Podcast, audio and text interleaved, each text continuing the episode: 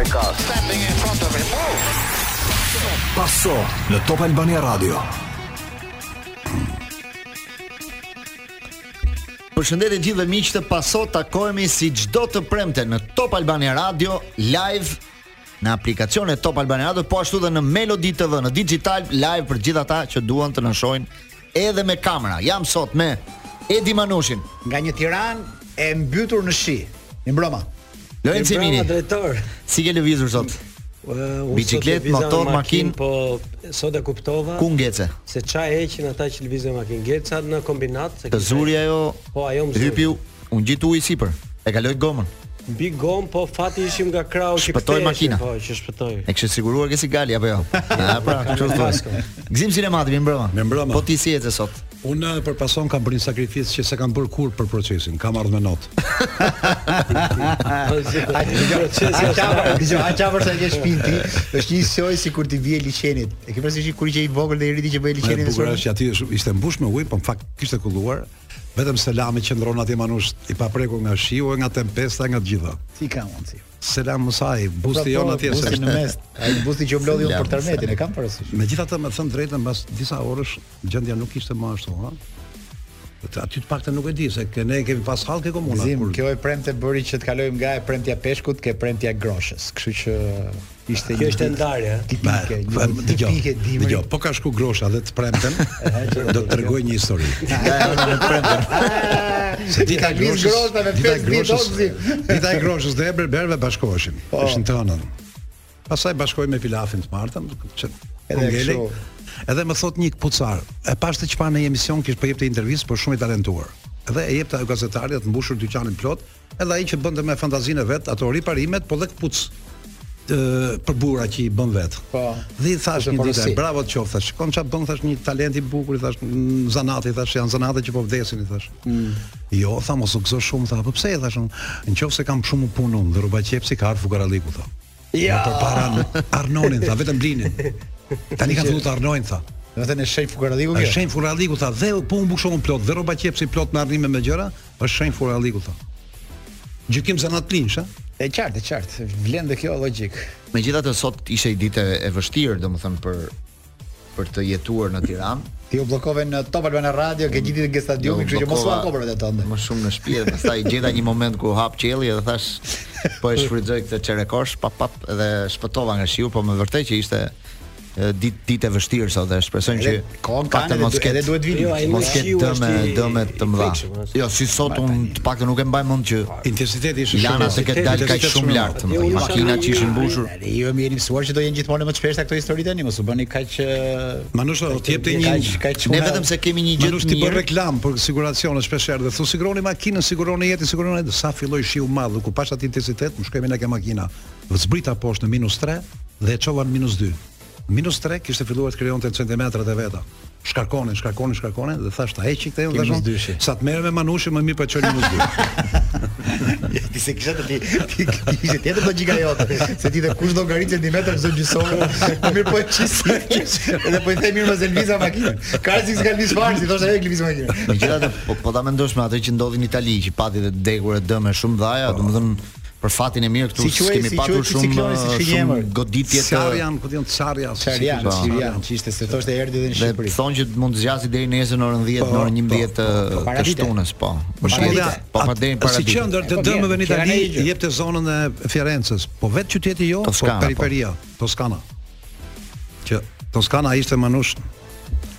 Ishte lokum fare. S'doj s'doj nga, as nga shiu, as nga breshëri. Ne do të mësojmë, jo, do të mësojmë ndoshta me këto histori të këto me këto shira të frikshme, sepse gjithë gjithçka është që në një periudhë të shkurtër kohe vjen një sasi e frikshme e paimagjinueshme, e pamenaxhueshme, s'ka as e menduar për ata që kanë ndërtuar puseta gjëra. Është një lloj hakmarrje e natyrës ndaj njeriut, Manush. Shumë ka ngrënë njeriu nga babzia. Po një përgjigje më lutem, se unë kalova në këmbë tek ura e e rrugës Elbasanit e ura Lanës, historikisht mbaj mend që përmbytej ajo. Çuditërisht, përmbytje kishte në sheshin në qendër fare përreth xhamisë, se qarkullova në këmbë në orën e shiut të madh. Kurse këtu as një pikë shi, Lana poshtë patjetër që ishte mbushur mirë, por edhe pjesa e po kjo është shumë e rregulluar kjo rrugës Elbasanit, gjithmonë është përmbytur me ç'mbaj mend.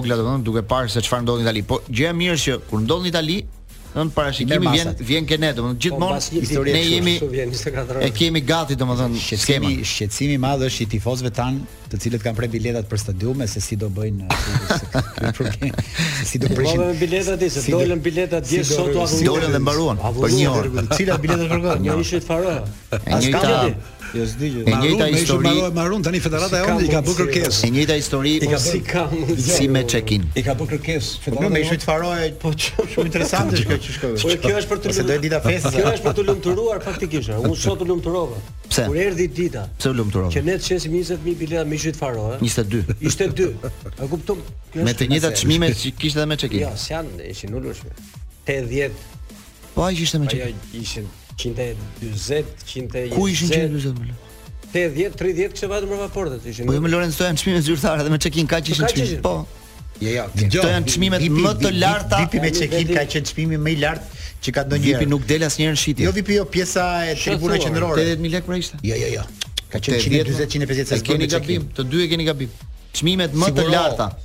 Çmimet më të larta. Sigurisht zyrtarisht për çmimin e Çekisë s'e kam idenë që s'është e vjetë. Po jo,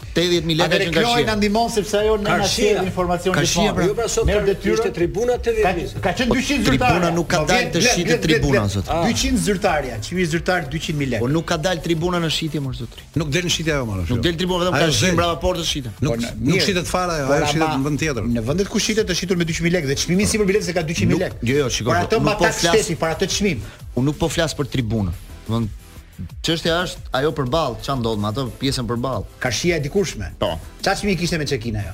80000 lek. Sa e kishte sot? 80 dhe 80. Po pra. Po mirë, këtë po thoja. Ka të drejtë drejtori që ka një lloj treguzi. Tash kurioziteti për biletat apo nuk, nuk është kjo. Është është që ne tani i kemi bërë kërkesë Federatës Moldave se kemi ndeshjen me Moldavinë, që po qe se kanë hall, i shesim ne biletat atyre. Federata jonë shit biletat. Se ia ka marrë dorën. Sot mora një ftesë zyrtare për të shkuar në Moldavi. Ah, Moldavi. Po. Ty të vin ftesa rregullisht Manush, me thënë të drejtën. Nga një mik biznesmen. Çfarë thua? Ta do do ta shoq më shoqërosh. E njihni ju, doktor Torin.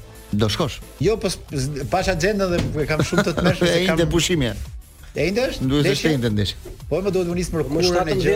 Ti drejtor mos ti drejtor që ma bën agjendën e javës, mos u bëj kaq se ti e di shumë mirë që jemi të zënë. Do ishte mirë po të shkonit se do i fusit një. Mirë, ashtu. Shkojmë në publicitet, dita e pasos nuk mund të ikësh.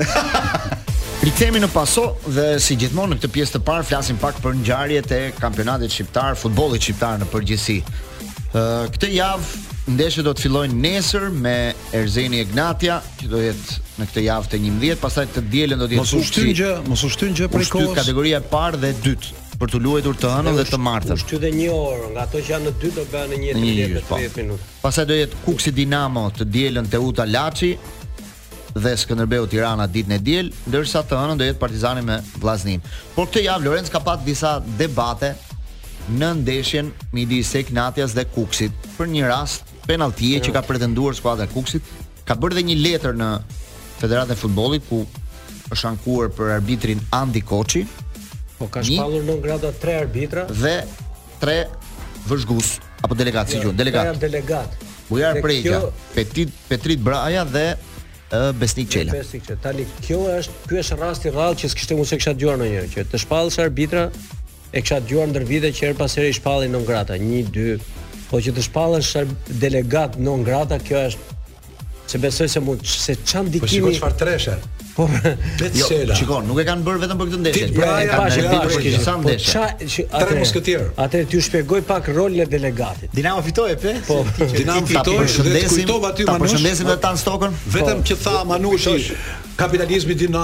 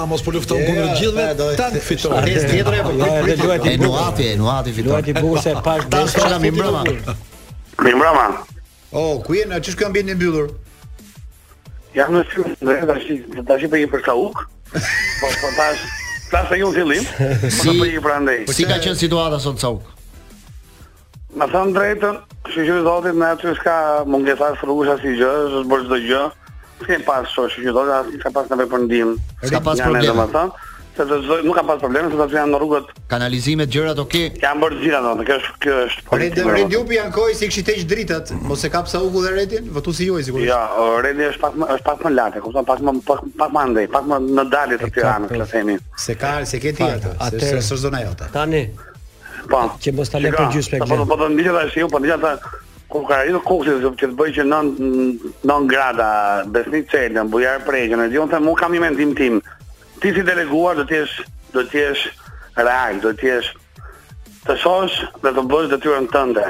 Këtu ne për fat keq nuk e bëjnë detyrën e tyre siç duhet. Dhe ndonjëherë në emrin e federatës federata mund të kanë marrë udhën e tyre punë e tyre. Tani, ideja është një sekondë. Ti do të rri si me dignitetin me dignitetin tënd që ke, bëj boll zyrtar ah, dhe tani meqë u fute dhe dëgjoj edhe ti tani. Po. Jepe shpjegim. Detyrat e delegatit. Po. Kush janë? Po.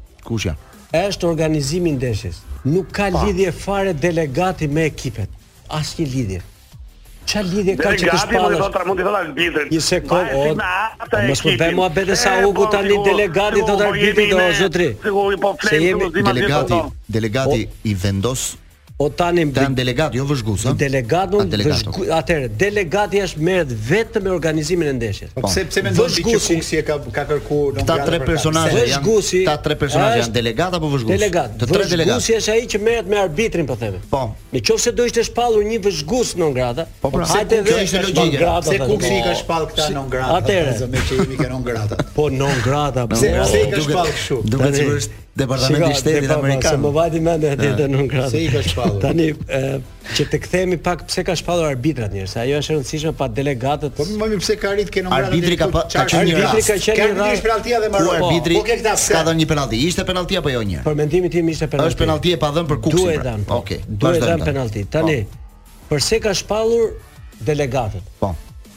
Mendoj unë, se unë hmm. nuk e di pse, po me pse?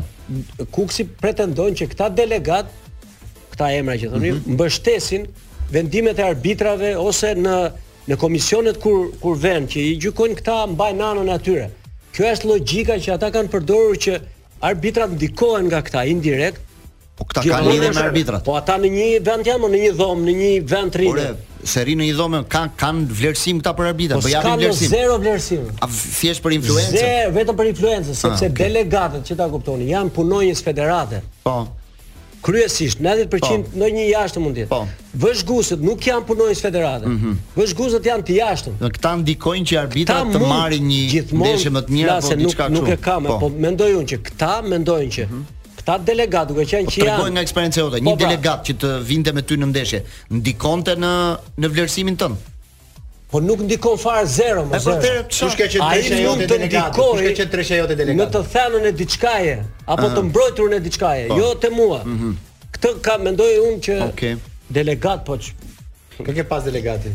Unë i kam pasur gjithë këta që i kanë. Domethënë ka të drejtë, ka të drejtë Kuksi në këtë ankesë që bën. Jo zero. S'ka drejt. Kuksi mund të ketë një të drejtë vetëm te arbitri. Në qoftë se vetë arbitri ka disa ndeshje, jo një. A e ka rendin ai? Po pra, kishte tre ndeshje ndër po. të cilat njërin e kanë shpallur ë uh, thuaja. Pregjën Andi Koçin. Po jo atë që ka qenë në var, një ai Bylyk si e kishte ai tjetri se harrova. Tani e kanë shpallur ë se ishte në VAR. Mhm. Mm Çfarë ndikimi ka arbitri VAR. Po si s'ka ndikim? Ai VAR-i nuk ndërhyn kur ndodh rasti si. Po pra. Ka ndikim dhe ai. Ish ai është me thënë kryesor. Ore kryesori, hajde po ta quaj. Po pra po. po. Shifet si rasti, vjen gjë një keq, se ti e minimizon këtë gjë. Po pra. Ky s'ka gjë, ky s'ka gjë, po kush vendos aty?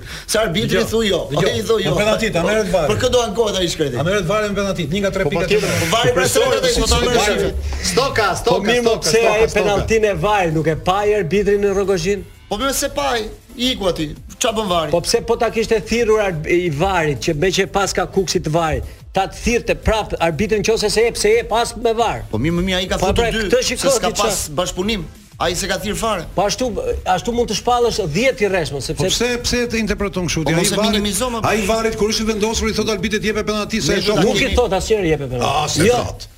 Ne duhet ta kemi ne duhet ta kemi ë në edukatë që edhe të protestojmë për një arbitër, se s'është ndonjë gjë e madhe. Patjetër, po patjetër. Në Itali u bë nami në po, fillim të javëve të kampionatit për vendimet e varit për po, po, sherrin me Mourinho dhe çfarë çfarë vendosën ata. Tani ata çdo të diel çdo të diel publikojnë të gjithë audiot e varit po, me arbitrin këtu do të në ndeshje delikate, pra po, në ndeshje po, ku ka pas po. aty ka ngjarje pra problematike, ata publikojnë të gjithë dialogun e arbitrit me varin. Ka kaq. Dhe thotë ja ku e ke dialogun. Edhe këtu do edhe këtu do ndodh ajo për arsye teknike, do ndodh patjetër.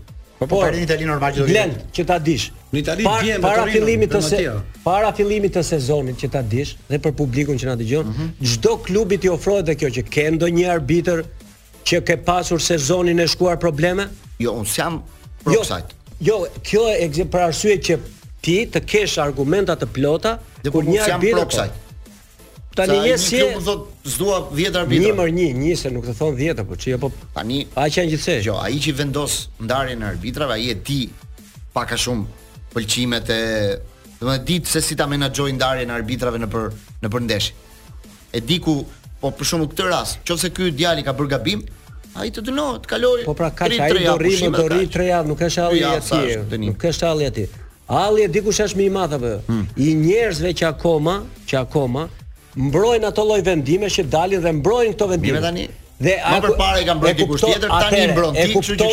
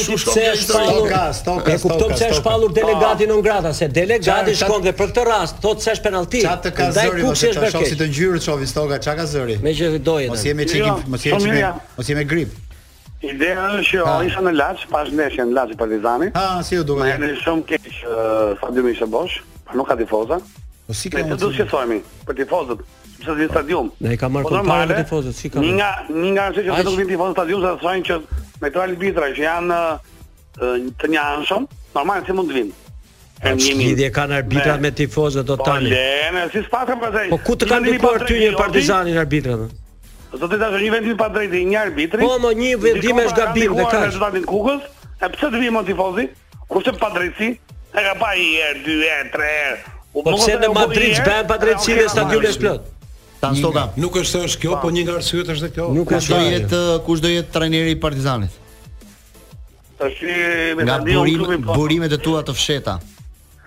Tashi un them që un do isha që ta vendosi klubin si siç po më zgjuar, si po presin. Mm -hmm. Un do isha tash më Çfarë po presin? Duke parë kampionatin shqiptar si ti po vetëm, si ti është. Unë jam që në momentin që të rri Arbër Abilaliaj me stafin e Zekit. Po, po bëri dhe dy fitore, Arbër bën 6 rresht, kështu që A ka lidhje pritja e Partizanit me gjyqin e Orges Shehit me Rrida Lilin?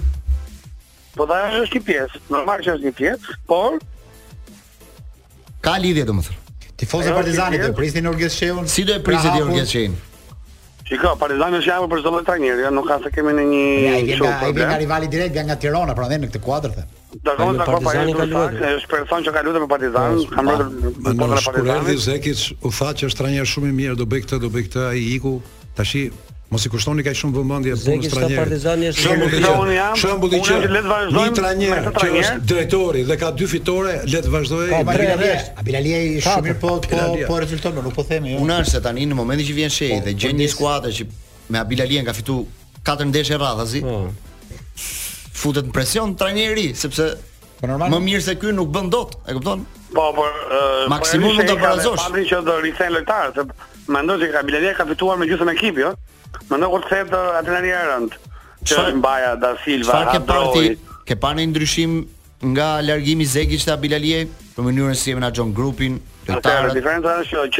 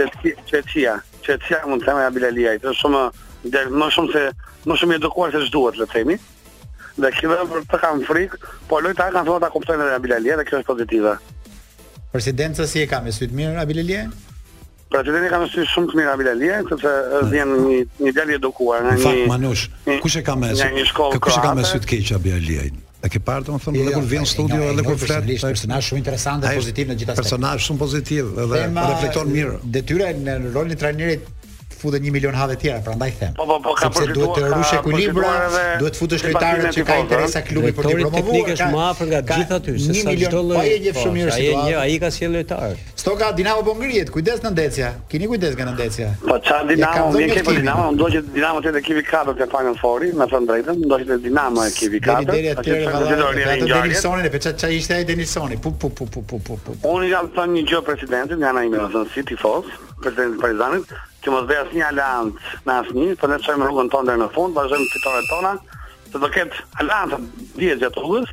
Po. Partizani s'do të bie pre ose në kurthin e këtyre aleancave, po do të vazhdojë të bëjë ndeshjet e veta. Mendimi im, kështu. Do bëjnë çfarë si ta ndjejnë. Por Partizani me gjysmë ekipi është vend parë.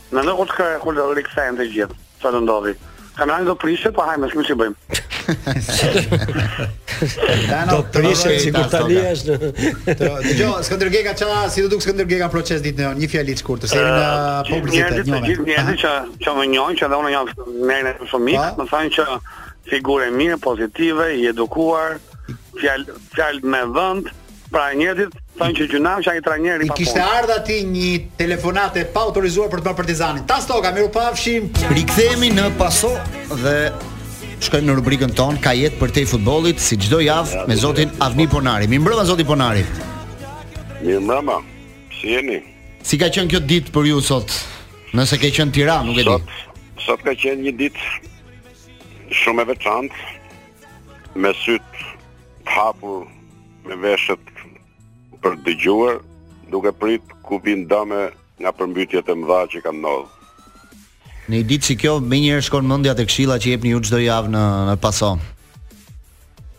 Sot kanë filluar kërkesat e para me të vijnë për pagesat e dëmeve ato që janë të siguruar nga përmbytja, po. Shyqyr që në Shqipëri ka gjithmonë diell dhe nuk kujtohet njeriu për përmbytjet. Po. Dhe mhm. e ke pak më të lehtë, ne. Zona më problematike, zoti Ponari. Tirana ka plot Tirana sepse ka mungesa e sistemeve kanalizimeve të rregullta etj etj bën që shumë nga Katet zero dhe minus të përmbyten dhe oh. natyrisht që ato janë të gjitha parkime ato që kanë qenë kanë pas mendjen për të siguruar, kanë siguruar, ato që s'kanë pas mendjen, s'i kanë siguruar dhe natyrisht që i përballojnë vet, po një pjesë jo e vogël me sa kam marrë vesh deri tani nga të dhëna që kemi kanë kërkuar që të jemi pjesë e vlerësimit të dëmeve të tyre që kanë shkaktuar përmbytja. Natyrisht që kjo është edhe nëpër rrethe, në disa rrethe, po këtu njerëzit akoma s'janë ndërgjegjësuar që shiu dhe zjarri përmbytjet dhe uji dhe zjarri janë të rrezikshëm dhe duhet mbrojt nga ato. Atëherë kur e pësojmë, atëherë fillojmë të kërkojmë mbrojtje. Sot për shembull mund të ketë shumë dëme, madje disa kompani që kërkonin ndihmë, po ne nuk jemi organizatë Japim ndihma, jemi organizatë që qartë, qartë. shërbejmë, organizatë kontraktuale që i shërbejmë gjithë atyre që janë të siguruar për përmbytjen, të gjithë atyre në rast përmbytje, të gjithë atyre që kanë zjarr në rast se kanë zjarr. Dhe përgjegjësi të tjera, kështu që le të shpresojmë që s'ka shumë dëme sepse njerëzit s'janë akoma të ndërgjegjësuar për të patur sigurime, ata gjithmonë e mendojnë diell, e mendojnë ditën të bukur, Dhe shyqyr që s'ka dimër, thonë, kemi vetëm diell, nuk kemi shi, nuk kemi përmbytje, nuk kemi breshër. Dhe vim në situatën që përsëri ju bëjmë thirrje. Drejtohuni tregut të sigurimeve, drejtohuni që të mbroni atë që keni krijuar sepse një ditë vetëm për një ditë duhet, nuk duhet për gjitha ditët e vitit. Të sensibilizohen të sensibilizohen maksimalisht. Dhe kjo është dita për ta bërë këtë thirrje, domethënë dita që njerëzit e shohin me sy se çfarë se çfarë kalojnë që dita që të të sensibilizohen dhe të njihen më shumë edhe me tregun e sigurimeve. Të bëhet gjëma. E pra del del del shumë i rëndësishëm edhe ai ligji i i i sigurimit nga katastrofat sepse edhe kjo është pjesë në shumë fshatra, në shumë zona janë përmbytje ndoshta edhe masive dhe kur përmbytjet janë masive atë kemi të bëjmë me rrezik katastrofik kur ai ka një sipërfaqe të caktuar dhe ndodh në një moment të caktuar. Kështu që domosdoshmërisht është Ja. I mirëpritur dhe një ligj që do e bëj pak më më eficiente. Na, na detyroi kushtet klimaterike për t'u marrë ndoshta me këto këshilla të zotit Ponari fillimisht, por ç'kemi nga bota e basketbollit zoti Ponari? Si po shkon kampionati i këtij viti?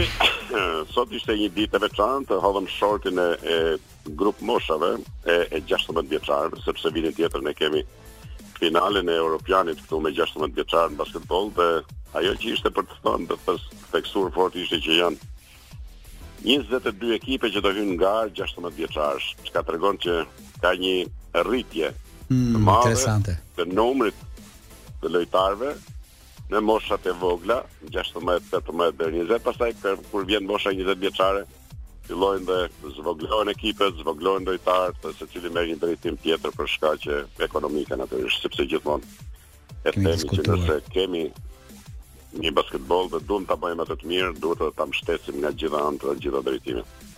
Le të shpresojmë që ky 22 ekipësh që s'ka ndodhur ndonjëherë në Shqipëri, në moshën 16 vjeçare na japin një ekip kombëtar 16 vjeçar që të jetë dinjitoz në eliminatoret të Europianit në verë.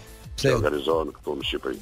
T'i kënaqemi edhe kësaj se realisht cilësia e lojës është rritur, shtatësia e lojtarëve tanë tashmë është europiane, kështu që kam idenë që do na japi diçka jemi, kjo. Jemi njëlloj me të gjitha standardet po pra, jemi në parametra. Europës. Së paku në përsa i përket burimeve njerëzore, përsa i përket njerëzve, lojtarëve. jemi të njëjtë standard. Pastaj anë të tjera, niveli teknik, stërvitja janë faktorë të tjerë që ne duhet të punojmë fort për ti për ti okay. mbajtur, për ti patur, për ti mbajtur, për ti rritur etj. Okej, okay, zoti Ponari, ishte gjithçka ne të falenderojmë dhe ndërkohë dhe diçka tjetër ditën e diel, më në fund erdhi radha e Tropojës tënde dhe tonës të dashur në Gurrë Popullore. Një tjetër falënderim vjen për ty sepse na mundësove një gjë të tillë. Kështu që të dielën orën 2 mos ju ndani ekranit Top Channel-it për të parë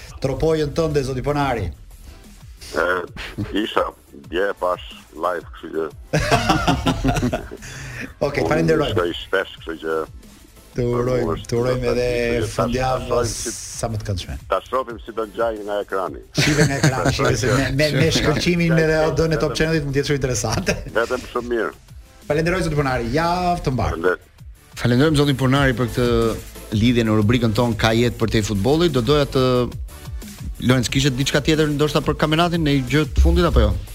Jo, ta mbyllim këtë. Ndeshjet shkojnë deri ditën e hënë, mos gaboj. Deri ditën e hënë do luhet Partizani me Vllazninë, po të hënën që nga e hëna e tutje fillojnë dhe ndeshjet e kategorive inferiore që Do u shtynë pra nga kjo ndeshja e shtunës dhe diel. Më bëri përshtypje vetëm diçka. Ndeshja e Tiranës luhet ditën, pra në orën 1:30, po, po themi, ndërsa Tirana U19 luan natën. në orën 19 ndeshjen e vet gjatë javës. Kjo ishte pak e çuditshme. Në Selman Stërmasi gjithmonë bëhet fjalë? Jo, jo. Jo, jo, ata luajnë në luajnë në te kompleksi. Te kompleksi. Po aty kanë drita, e kupton? Kështu që stadiumi për të luajtur. Stadiumi i ku luan ekipi. Po, aty s'ka s'ka drita. Shumë e çuditshme. Pas përfundimit të ndeshjes me Ishujt Faroe që do rikthehet. Ti nënteksti kësaj është që Superiores janë fik dritat. Jo, jo.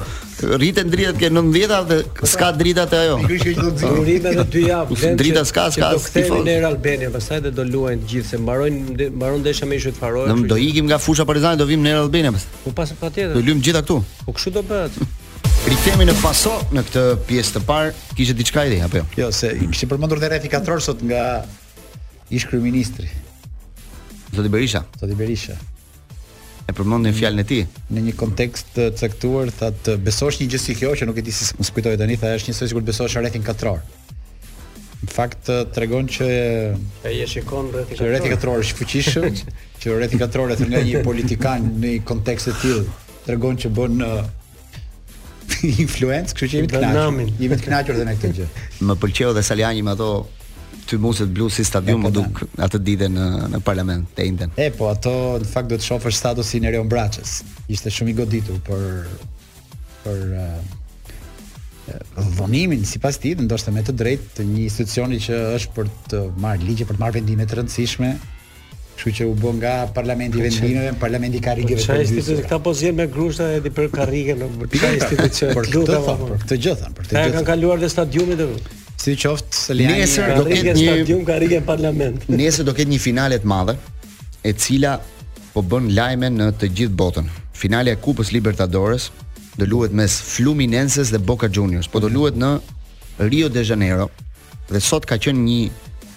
valë arrestimesh, një atmosferë lufte në në plazhin e Rio de Janeiros, në Copacabana. Sot kur në Copacabana sot rreth 100 policë me armë, të armatosur, mirë, si ato forcat SWAT të po, po, amerikanëve. Saktë. Uh, futeshin në futeshin në plazh. Në plazh për të arrestuar tifozët argjentinas që po bënin rrëmujë.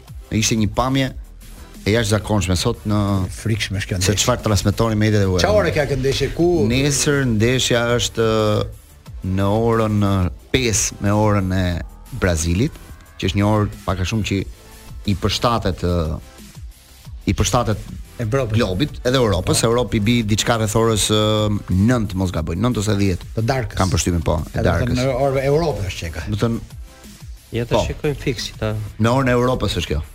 Ata e transmitojnë nëpërmjet një një platforme private, ti duhet të futesh atje të paguash për ta parë këtë ndeshje. S'ka gjë kundër kështu lart. Por ka një rrezik që ndeshja mund të lu, nëse agravohet situata sot, mm -hmm. gjatë orëve të fundit, mund të luhet edhe pa tifozë, mund të marrë edhe këtë vendim Copa Libertadores. Nuk është hera e parë që Ndodhin probleme, në vitin dy mijë e tetëmbëdhjetë e mban mend që një ndeshje nga Argjentina do luhej u spostua në Madrid, u luajt në Bernabeu, nuk kishte të njëjtin sharm si si të luhet atje, por për shkak të problemeve që patën ata e spostuan dhe sot. Ka patur shumë shumë shumë rrëmuja nga futbolli në Rio de Janeiro për këtë ndeshje. Është finale Argentinë Brazil plus Fluminense ka qenë një herë në finale nuk ka fituar në gjithë historinë e kërkon këtë kompeticion Boca ka fituar 6 herë, por është skuadra më favorite për këtë. Në orën 9 me orën tonë bie, 4 orë mbrapa është Rio. Ora 9 me orën tonë, kështu që do jetë një, një përballje për të parë se po, çfarë do ndodhi, domethënë në këtë. Kisha një mike e cila e ka të shoqin ambasador dhe në një farë kohe shërbeu si ambasador i Italisë në Argjentinë, Tha, ti Manush që je lidhur me futbollin, duhet se s'bën, në jetën tënde, të një herë në jetën tënde, të jesh në një River Boca për të kuptuar se çfarë është. La Bombonera. Po, futbollit. Do të thënë ajo shkuan shkuan pa lidhje me futbollin, po aty 90 minutat ka qenë stadiumi elektrizuese. Stadiumi Maracana mban 78000 spektatorë për finalen. 20000 do jenë të Bokas, ndërkohë në Rio de Janeiro kanë shkuar 100000 tifozë argjentinas. Po, po, po. Ku ti futesh pastaj ato 20 avione çdo ditë. 105 autobuzë që kanë lëvizur nga Argjentina për të shku në Brazil. Domethënë imagjino se ça se ça do ndodhi atje se, nesër. Pjesa është pjesë e botës me turizëm, me plazhe, me gjëra, se është një rrugë e njëqind punë. Po dhe ky rivaliteti Argentinë Brazil sepse skuadrat e Argentinës dhe skuadrat braziliane janë skuadrat që kanë fituar më shumë.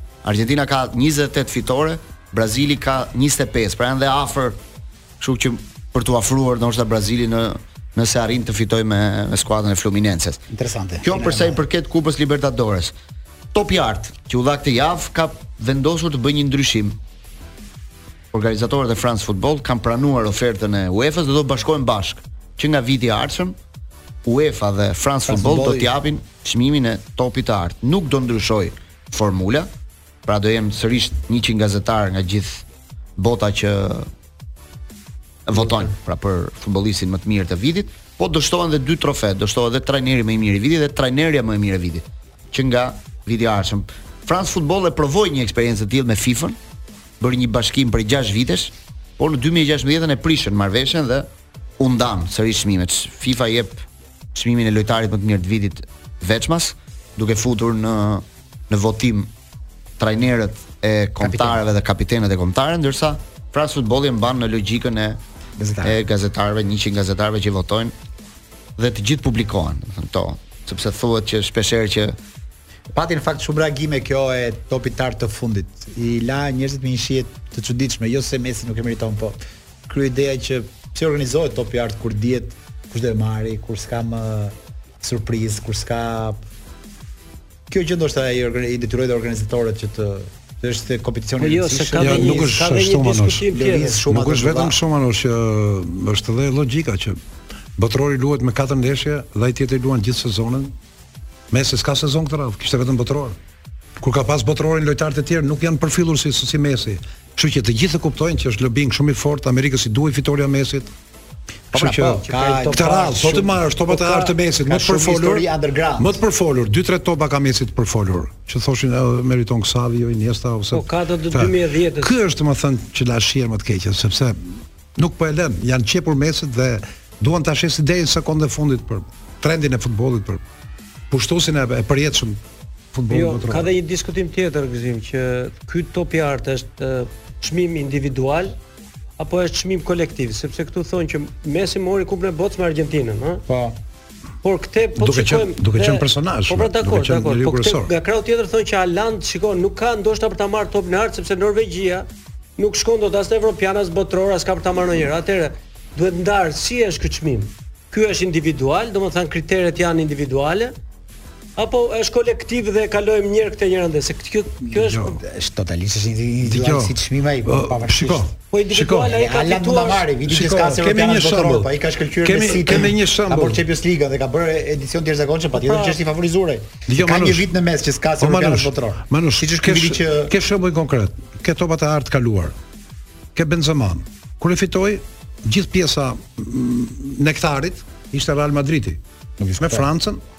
Ai sa luajti Benzemaja. S'luajti fare ku luajti. Luka Modric. Nuk është fitues me Kroacinë, është fitues me Realin. E pra tani kanë. Por ishte personazh nga dy krahët. Ka diçka. Po kjo që thotë Lenci ata nuk po dihet tani. Ka diçka. Si peshojnë ke njëra tjetra. Po them diçka, siç është Amerika për Messi, është Real Madridi për topin e artë. Bellingham, Mbappe pse do me ardh ke Real Madridi? Për ishin e topit të artë, sepse të qenit tek Real Madridi ke 30% po, opsione për shkuar ke po, topi. E fillon me fillon ti me këto.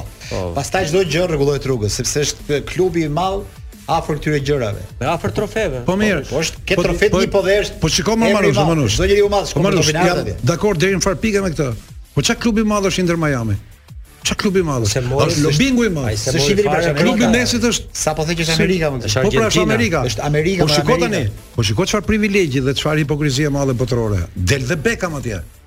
Atje dhe merr pjesë në ceremoni. Beckham tani. Ai tani nga Barcelona që dilte në Madrid. Beckham është pyla the lobing. Prapa prapa një lobingu të shpikë. Një sekondë, po lobingu le të jetë, po mos duket paktën se është një çik Po por Messi botëror nuk ka fare. Sidoqoftë. Më përpara thonin kur të linte takim Messi me femrat shkonte me Xavin me Iniestën, se nuk ndahej dot nga ata dy. Po. Tash vjen në ceremoni me me pronarin. Sidoqoftë, lajmi i ditës është një tjetër sjellje e korruptuar e FIFA-s duke çuar Botërorin e dy mijë e tridhjetë e katër-s në Arabinë Saudite. Rikthehemi në këtë pjesë të dytë të Pasos bashkë me grupin tonë Ed Manushin, Lorenc Eminin dhe Gëzim Sinematin dhe në fillim Ed Manushi do duhet të na bëjë një njoftim shumë të rëndësishëm.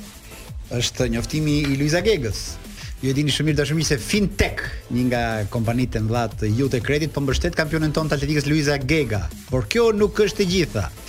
Sepse shërbimet e shpejta të Iute e bëjnë jetën tënde dhe më të lehtë, njësoj si vrapimi i Luizës. Futu në MyIute app sot dhe mbaro punë me shpejtësinë e një kampioni. Iute Credit, një partner i Pasos.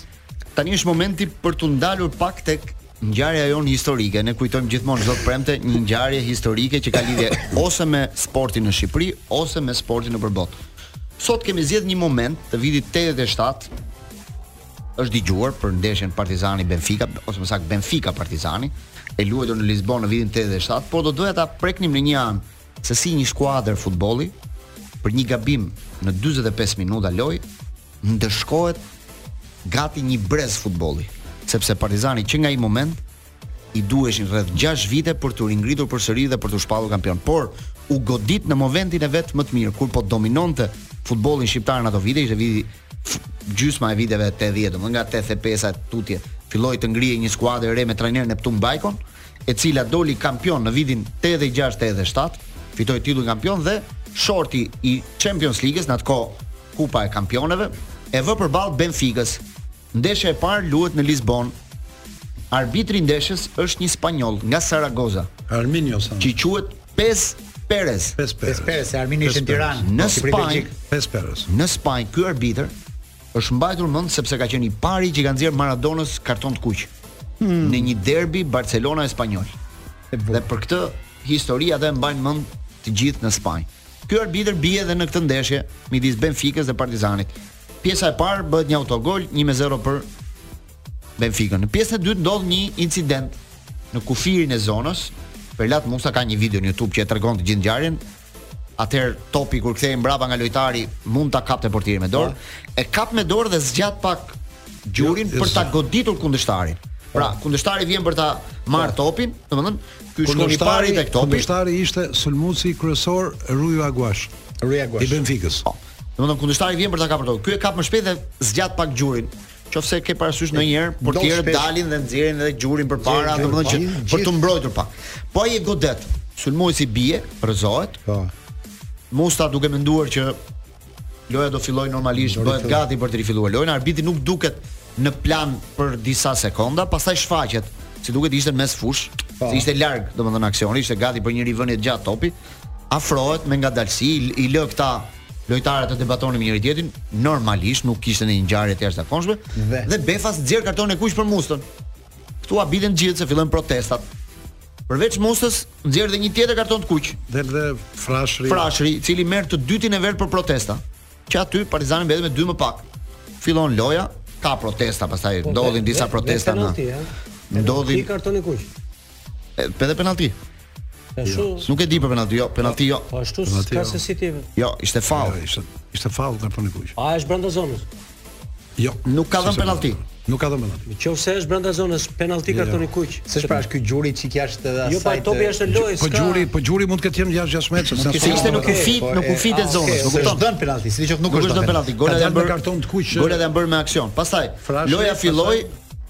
u bën dhe tre gola të tjerë. Domethënë Benfica bëri bëri tre gola të tjerë, pastaj doli dhe me karton e kuq doli dhe Ametaj dhe Ametaj. Ilir Lame. Edhe Ilir Lame po. Pra Partizani e mbyll ndeshjen me 7 futbollistë. E humbet ndeshjen 4-0 dhe u tentua për të marrë një karton tjetër të kuq, por nuk e nxori ai. Sepse bllokohej ndeshja po të dilte po, dhe i pesti. Nëse luhet pa mm. po shtatë. Po kishte marrë dhe ndonjë çedi karton të kuq që tentohen Kastile po, këta. Po. Dhe nuk nuk e vranë. Zimi ka qenë pjesë e delegacionit në atë ndeshje në Lisbon bashkë me Partizan. Jo në Lisbon. Do na treg tani. Do na tregoj Lisbon. Do na tregoj dhe më shumë se çfarë ka ndodhur. Por Partizani mbas ndeshjes fillon të bëj analizën e vet se çfarë ndodhi në këtë përballje, duhet të bëjnë një relacion kundër arbitrit. Dhe delegati që ishte një italian në atë sfidë i thotë, shiko thotë, deri nesër në orën 7 duhet dorëzoni një relacion. Relacion që të ankoheni pra ankesën tuaj për arbitrin. Këta e bëjnë gati gjithë natën, e shkruajnë në anglisht kur dalin mëngjes për t'ia dhënë atij, ai kishte ikur s'ishte fare. Dhe letra i ngeli në dorë.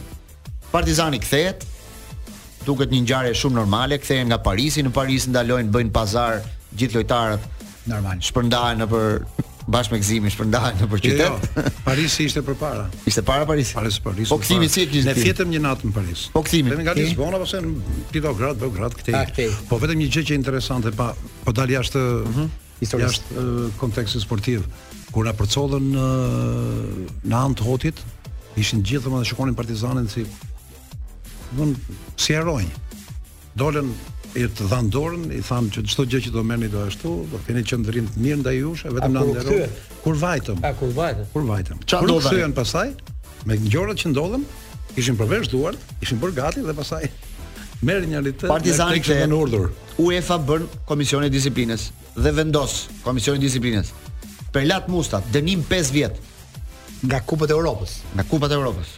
Dënim i jashtëzakonshëm, nuk ka ndodhur ndonjëherë në historinë e futbollit. Edhe nga kombëtarja, edhe nga kombëtarja e madhe i bie komplet në gjithë ndeshjet. Vetëm nga Partizani apo edhe nga 5 vjet në Europë, në ndeshjet kompeticionet e UEFA-s. Nominalisht Perlat Musta 5 vjet. Perlat Musta 5 vjet, Niko Frashëri 4 vjet dënim në Europë. Ilir Lame 4 vjet dënim në Europë. Arjan Ahmetaj, dy vjet dënim në Europë. Lorenc Leskaj dhe Adnan Ocelli paralajmërim, klubi Partizani dy vjet dënim nga Europa. Domethënë atë vit dhe vitin e vitin pasardhës dënohet nga Europa. Drejtuesit e klubit pastaj kur marrin uh, pala shqiptare merr relacionin e UEFA-s, disiplinën e UEFA-s, e shton dhe ajo dozën. Domethënë Federata Shqiptare. Thot, pastaj shtet, drejtuesit e klubit Partizani. Ja më poshtë gjithë historinë. Vasil Nikolla dhe rrugëshëria me Mitat cilët- dhe Mitat Çeu u hiqet e drejta për të drejtuar një klub futbolli përgjithmonë. Masat tona këto. Po. Neptun Bajko. Dhe jemi në terrenin fletërrufe. Fletërrufetë tona. Neptun Bajko përjashtohet një vit nga drejtimi i ekipit të futbollit. Trajneri. Po, po, po. Si është Zëvendës trajneri Iljaz Dingu dënohet 6 muaj. Gjashtë muaj Iljaz Dingu zëvendës trajneri. Perlat Musta si kapiteni i skuadrës përjashtohet një vit nga kompeticionet shqiptare përveç Shqiptare, Europës. Arjan Ahmetaj përjashtohet 6 muaj. Niko Frashëri, Ilir Lame paralajmërim Adnan Ocelli dhe Leskaj vetëm vërejtje. Partizani lexohet në faqen e gazetës, prishi dhe diskreditoi imazhin e të riut socialist. Tani më fal pak, tri pak e kjo Glen mund drejtor, mund të, dënime si këto nuk janë parë kurrë në një ndeshje futbolli. Ka ka vetëm një pasaktësi që vjen. Ta bëj një parantezë ka një pasaktësi që vjen te lista, sepse aty s'është emri im dhe un jam dënuar 6 muaj unë. Nga autoritetet shqiptare. 6 muaj nga si je dënuar ti? Tregoje tani si je dënuar. Nga komiteti qendror, që t'i hiqet e drejta e firmës të shkojnë lesh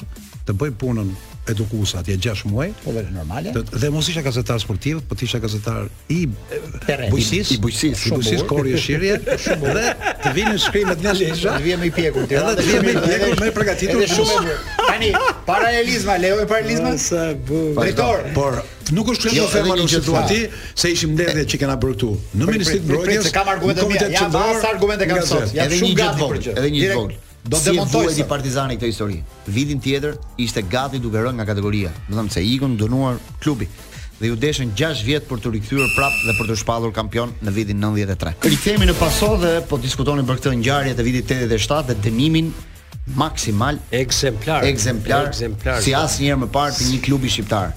Domthon Perlat Musta për një faull, dakord mori kartonin e kuq, mund të ketë bërë dhe një protestë, mund edhe ta ketë sharë arbitrin. Po 5 vjet dënim në Europë është protesta e ekzagjeruar, dënim patjetër që është ekzemplar. Sidoqoftë unë do të them një gjë, që është shumë e rëndësishme. Dy ose dy sezone përpara se të ndodhte kjo, në Lisbon kundër Sportingut të Lisbonës luan Dinamo e Shqipërisë në atë kohë. Një skuadër e cila la një përshtypje të jashtëzakonshme për sa i përket lojës atje. Ka qenë një, s'e mos Ilir Luarasi ka qenë dal portieri i ndeshjes, u habitën gjithë ata. Nuk e din çfarë. Po ti për lojën Manush, po të jap, po të sjell gazetën komentet, të shohësh çfarë përshtypje ka lënë Partizani. Golat janë pësuar jo me Perlat Mustën, doli me të kuqe, janë pësuar me Genc Tomorin portier. Mi pra mirë. Po do të them një gjë tjetër që kanë bëj për te. Edhe këtu, derisa ishte Perlati, ishte ndeshje shumë shumë e fortë. A, a folëm për dinjitetin e vendit? Lexo çik gazetat ça thon, çar klubi modeli ishte ky Dinamos në atë kohë, se ka të bëjë dhe kjo punë pastaj. Prandaj po them që ka një lloj arsye dhe një të drejtë te autoritetet tona. Po Dinamo tjetër ajo që po flet ti, s'është kjo Dinamo sot më. Po e para Dinamo flasun se kjo Dinamo. Po jo, s'është po Dinamo, kjo është Dinamo 23. Më pëlqen që kjo është krijuar rishtas, nuk është nuk ka lidhje me Dinamo. Ta bësh logjikën. Çfarë po thua ti mor burrë? S'ka lidhje me Dinamo kjo Dinamo. Kjo është Dinamo e krijuar tjetër gjë, është hibride. S'ka, jo, jo s'ka... Po flas për Dinamon e qytetit me Sporting Lisbon, sa ditë që ke po, pra, po. një vit ose dy vjet përpara Dinamo. Jo, mos ka hyrë frymëzimi nga kjo Dinamo jo, ka jo, Dinamo. Ajo Dinamo atje e jashtëzakonshme, sepse ça ndodh. Pse u ul imazhi i sportit shqiptar u ul se u fol në UEFA vjen një klub me nivel shumë të ulët komunikimi, nuk kishin pa ne arbitrat e huaj që të shkote Lojtari ta kapte për fyti. Në vitin 85 ka qenë Sporting Dinamo. Bravo, dy vjet përpara. Ata vinin me idenë që kanë klube me zero me një. Nuk ecën me këtë logjikë. S'ka logjikë. Manush je gabim komplet. Je duke fol me këtë. Ke një javë që s'je mirë. Je i përmbytur. Troç ma bëti i përmbytur. I po nga shirat, ë. Dëgjo, do ta jeni me Partizani ishte ekip shumë serioz. Partizani ajo me shumë kujdes me një arbitër tjetër,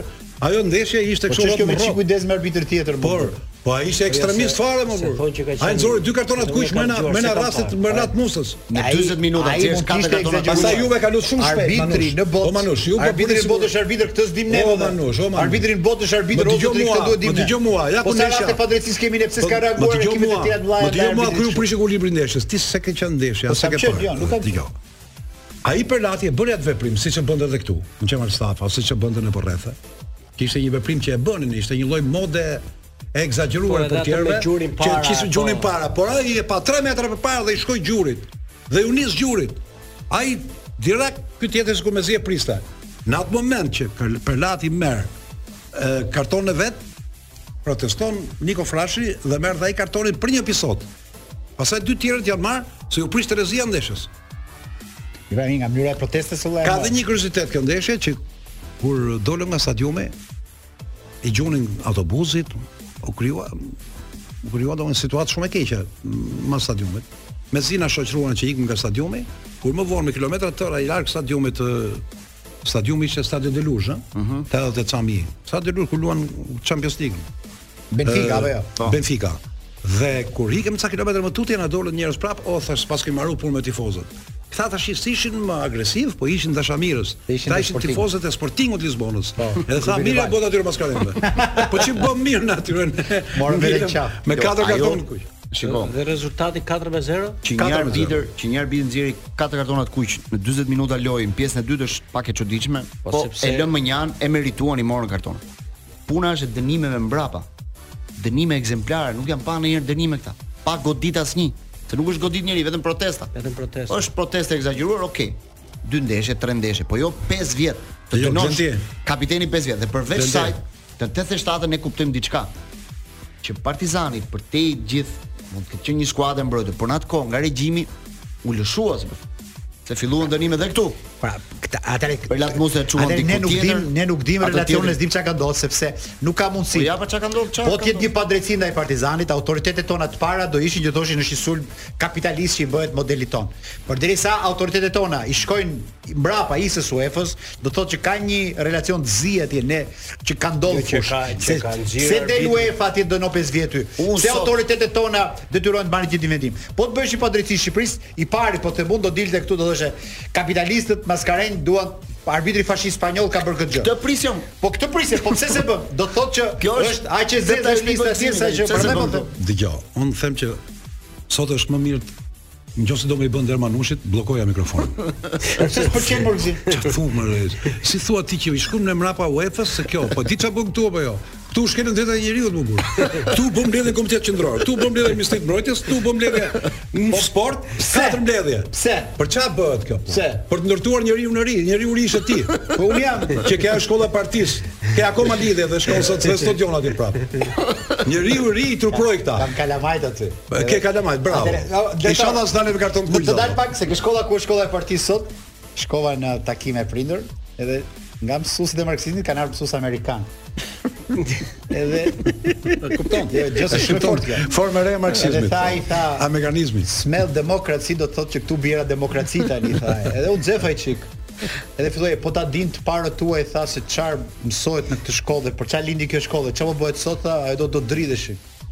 Edhe unë i kërkova vetë atë mësuesin i thash modero çik gjuhën thash se këtu kanë mësuar prindët tanë thash.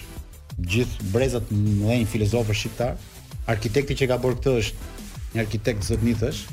Kurse ju që erdhët keni fillu e bë pishina në tarracë, keni bë betone e këto gjëra. Ç'është kjo? Më pëlqen kjo gjë ndaj këtej.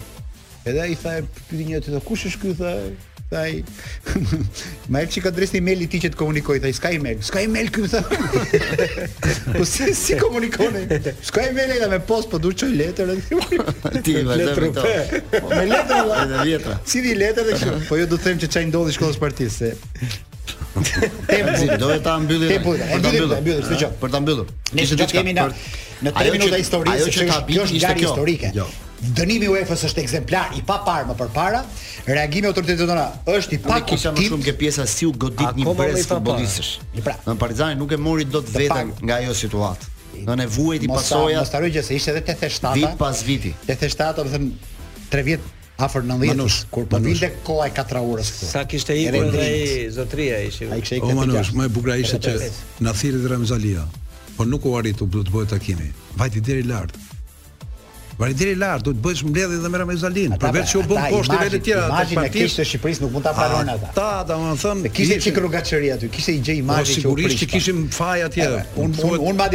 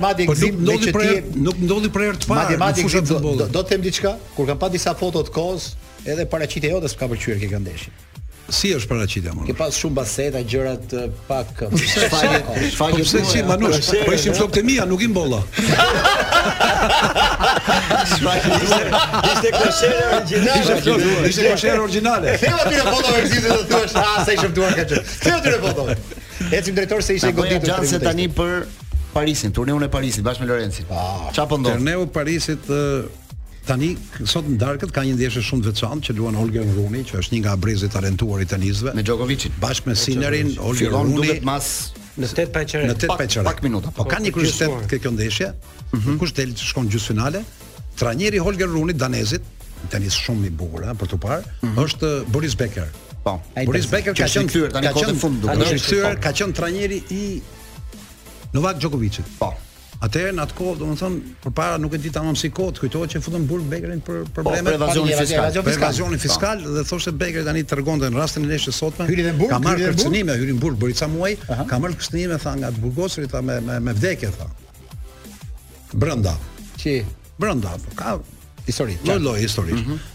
Dhe ky turneu i Parisit ka një gjë, Sineri nuk mori pjesë sepse dhe është bërë çështje e madhe. Mm -hmm. Se çdo turne do donte që t'i kishte gjithë personazhe më të mirë. Sineri ka vajti i katërti në botë. Dhe mungoi se mori pjesë ke turneu tjetër dhe tha jam i lodhur. Atë që fitoi. Kam nevojë pak pushim. Dhe në fakt tenisi e ruan këtë. Lenci e di. Je mirë këtu, do bësh pak pushim, edhe shkosh te tjetri. Ai ka hall që ke turneu i Torinos se do bëhet tani, që të janë tetë më të mirë të botës. Po, ai është turne i shplotur. Kjo është në Itali, është botërori i vogël i tenisit. Tetë në formë, ashtu është vërtet. Ndërkohë, nga Parisi është janë eliminuar dy personazhe të fortë, Alcarazi, çuditërisht dhe Medvedevi. Mhm. Sinneri u tërhoq, domethënë tre figura i ka humbur. Djokovic u eliminua nga një tenist. Alcarazi u eliminua, Medvedevi u eliminua, Sinneri u tërhoq, janë tre personazhe që mungojnë, por tani do shohim domethënë sepse po shihja diçka një ndeshje para se të vinim këtu të Cicipasit. Tenisit grek mm. është shumë formë. Cicipasi fitoi. Ka një lojë shumë bukur manush. Domethënë krejt i veçantë. Tash fitoi me Kaçanov. Ai duket që është në formë. Tash i fjala për Lencin. Uh, ajo që më bëri përshtypje është humbja e Alcarazit sepse ai është projektuar për të qenë numri 1 absolut. Domethënë duke parë edhe moshën e re që ka madje ka ishte numri 1, po e, e, e arriti Djokovic. Dhe u mund nga një tenist që është numër se sa Safiullin, numër Safiullin, Safiullin rusi, numri i numri ishte zbritur 54. Dhe dhe mundi bindshëm sepse pashë ndeshjen u habita, domethënë ai e mhm. problematika e Alcarazit. Po t'i shikosh, ka ka vazhdimësi ti. Jo, do të bësh një sqarim. Problemi po është modeli. Ti që s'je mësuar me këto, me klasifikim me gjërat, po t'i shikosh përballë niveli i qindtit me atë që është për shembull dyshi ose njëshi, Ka shumë ka, shiko Gëzim, ka një shprehje shumë të bukur. Nuk e ke ide, nuk e kap dot. Zim. Nuk e kap dot thua pse ky është i qindti kur ky po lun po, shumë bukur.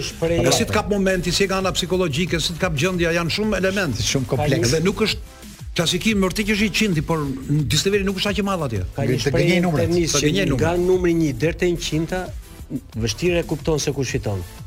I përveç këtyre vipave të mëdhenja, Djokovic-e. Po. Pjesa tjetër pastaj janë të gjithë në Po Arbakalli, sa ti do ishte në botë Arbakalli? Pyetje. Arbakalli do të ketë një botë tjetër, se këtë botë s'është. Po është si... një mijti mund të jetë? Jo, një mijti. Jo, jo, një mijti. Një mijti vjen këtu në turnetë tona dhe jo, ia heq kapelën. As një mijti s'vjen. Po të vjen me një mijti, i mijti. Si mendoni do dalë Djokovic? Lufta që po bën Djokovic tani në këto momente është që të marrë t'i shpërndajë lekët e basteve me më shumë tenistë. Rune e ka mundur vjet Djokovic në finale. Ia dalin nga ana ekonomike. Dhe ndaj jam shumë kurioz për ta parë. E, e ka mundur vjet në finale. Po e ka mundur Rune po. Në Torino, jo, jo, ku e mundi, e mban mend? Nuk e mbaj mend tamam. E jap duat Djokovic prapë është ai që Fillon kap edhe dje e filloi e bëri e pe ndeshjen që filloi pra bënte stretching gjatë lojës, sa është është mjeshtër i këtyre improvizimeve. Po them që do e mundë Rune. Okej, okay, mirë, sot ta shohim se si se si do dali Djokovic. Ndërkohë ka një lajm të fundit lidhje me Tonalin. Federata Angleze ka nisur sot një hetim për të parë nëse Tonali ka luajtur dhe në Angli baste mbi Newcastle dhe kampionatin anglez pra gjatë kohës që ka shkuar në Angli dhe nëse Milani e ka ditur apo jo. Dhe ky ishte hetimi tjetër. Historinë e Tonalit sepse kërkon dëmshpërblim nga Milani. Don duan ta di, është pak më e vështirë, po ndoshta kjo është më e lehtë për të parë nëse Tonali ka luajtur baste në Angli gjatë asaj periudhe që ai ka shkuar ka bërë këtë lëvizje nga Milani atje. Ndërkohë ai ka filluar stërvitjen, stërvitet veçmas. Klubi këtë ka vendosur, ende nuk ka marrë një vendim në lidhje me rrogën e futbollistit, do t'ia japi apo jo. Po nga sjellja dhe disponibiliteti që ka patur tonali për të treguar të vërtetën e gjithë kësaj historie, ka një mundësi që ata t'ja pranojnë rrogën dhe t'ja lënë rrogën që ai ta ta marr rrogën rrogën në këtë në këtë edicion që ai nuk do luaj. Por nëse ai gjendet i fajshëm edhe në nëse ka vënë bazë edhe gjatë Newcastle-it, mund të shtohet dënimi nga 10 muaj që ka tani, mund të bëhet mund të rritet dhe më tepër. Dhe konkretisht akuza ishte për një ndeshje Milan Torino ku Milani e ka humbur Dhe ka ca gjëra shumë çuditshme brenda tha. Ky është problemi. Rikthehemi në këtë pjesë të dytë të pasos pas Stingut dhe Shape of My Heart. Për të folur pak për futbollin europian.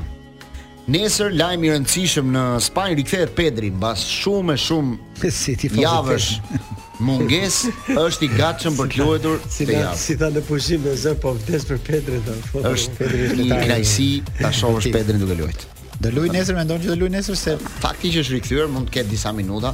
Barcelona ka një ndeshje të vështirë, luan me Real Sociedadin nesër, që është një nga kundërshtarët më të fortë që kanë në, në Spanjë, një skuadër Champions League tani sepse skuadër simpatike është në pjesën lart të, të klasifikimit.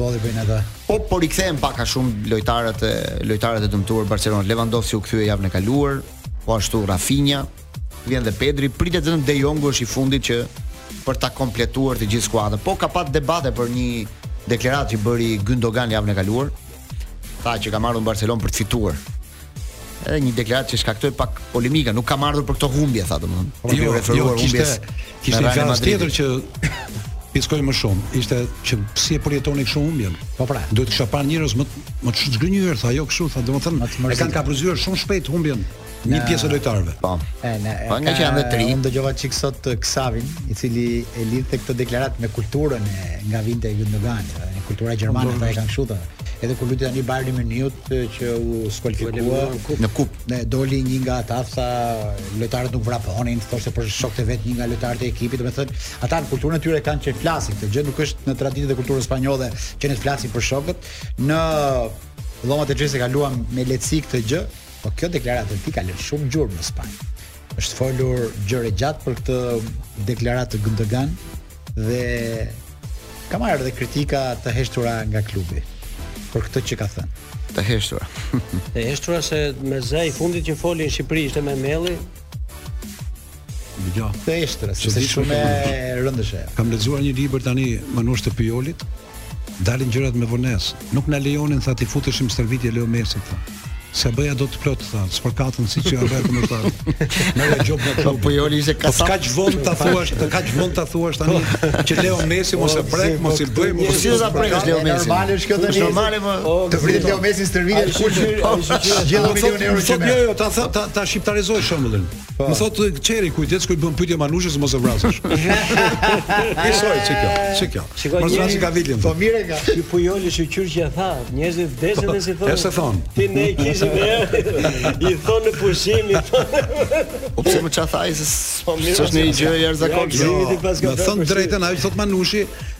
Është plotësisht e vërtetë që thotë që ai ka kulturë gjermane, po aty brenda është dhe kultura turke. Andej nga vjen origjina gjërat, se humbja është më dramatike te këto vendet tona.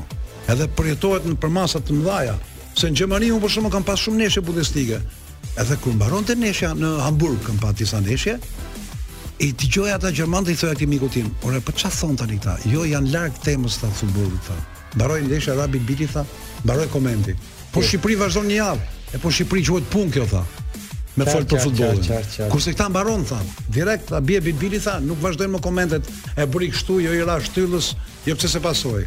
Nejse, ka, kjo është fundjavë e madhe sportive se të martë e mërkurën rikthehet Champions direkt tani. Po. Kështu që ka rikthehet ndeshja e Champions Ligës. Po në fundjavë do kemi disa ndeshje interesante në në Angli sepse luhet Newcastle me me Arsenalin. Kjo është ndeshje shumë, shumë e fortë, shumë shumë e fortë. Newcastle i mundi dhe Manchester United në kupë në mesjavë, kurse Arsenali u eliminua nga kupa nga West Hami, ndërsa Chelsea do luajë me Tottenhamin. Edhe kjo është një përballje shumë e bukur sepse Pochettino që tani është trajneri i Chelsea-t luan përballë ish skuadrës së tij Tottenham-it dhe është një një duel interesant to për sa i përket kampionatit anglez. Dhe një nga kuriozitetet më të bukura të javës Manush, që nuk e ka prek Blendi sot akoma, është fitorja e Kaljarit. 3-0 për Frozinonen. Kishte 70 vjet pa ndodhur. 3-0 Frozinonen dhe shkon deri ndeshja 4-3, një gol në 93-ën dhe një në 97-ën. E bukur kjo. Dhe trajner Ranieri, Po i maj. Vetëm aty po i ndodhin këto gjëra. Aty ndodhin këto gjëra. U kualifikua edhe në kupë në mesjavë. Edhe në kupë u kualifikua me Udinese. Pati një edhe aty me kthim rezultati. Pati edhe aty, pati ishte nga 1-0 2 me 1. Të them një se më kujtova këtë 97 kështu. Në minutën 97 kam një histori personale po shumë e bukur. Mm. Luante Vllaznia me Besa Kavajë, stadiumi plot, se atëherë ishte Ndeshje kupa apo? Jo, ndeshje kampionati dhe 1 me 0 për Vllazninë, fitonte Vllaznia po. deri në minutën 90. Mm -hmm. Në minutën 90 shënon një gol Besa. Mm -hmm. 1 me 1. E bëri vet. Vet po. po. Dhe unë mba, i dhash dhash 5 minuta shtesë, por kur dhash shtesën, mm -hmm. ata sa gëzuan këta të Besës, thashë po, po e shtyj dhe pak. E shtyva gjashtë, shtatë, tetë me me qëllim që mos mendojnë që barazoi edhe në minutën 98 bën gol Besa. Mo pra, duket se e mbaj mend atë ndeshje. Dhe ishte trajner Roland Luçi s'e harroj. Tha po mirë më tha s'e mbyllje dot barazim pak tha S'kisha kohë. Në atë kohë, në atë kohë e mbaj mend që në proces kemi thënë që je arbitri i Besës. Ah. Ça thotë? Se ta çosh ndeshjen 98 minuta. Jo i Besës së Kavajës, jo njeri i besës. Fjalë besë, fjalë besë. Fjalë mbajt, i fjalë mbajt. Minuta në të shtatë gëzima, s'ka mundësi. Tamam, i fjalë mbajt. I besës, ose i pabesisë. Jemi në Paso në pjesën e fundit, për të kujtuar edhe sfidat e tjera që do na ofrojë fundjava, por Edhe sot do kemi ndeshje interesante, luhet Parisi me Montpellier në orën 9, luhet në Itali Bologna me Lazio, ndeshje shumë e rëndësishme kjo për të parë Kush skuadër mund t'i afrohet zonës europiane? Luhet gjithashtu në Spanjë, Las Palmas, Atletico Madrid, sepse Atletico është rikthyer tani të jetë në qendër të vëmendjes në Spanjë për rezultatet dhe situatën që ka për Alvaro Moratën, njeriu që Manushi nuk e pëlqen fare, por që është bërë lojtari më i rëndësishëm i Spanjës.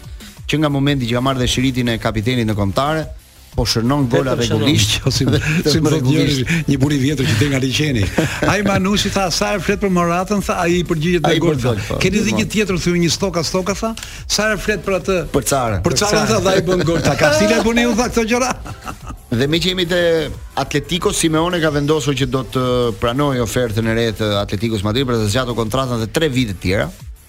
u përfol për një shifër rreth 100 milionë euro që ai do të përfitonte, por kjo shifër nuk ishte e vërtetë.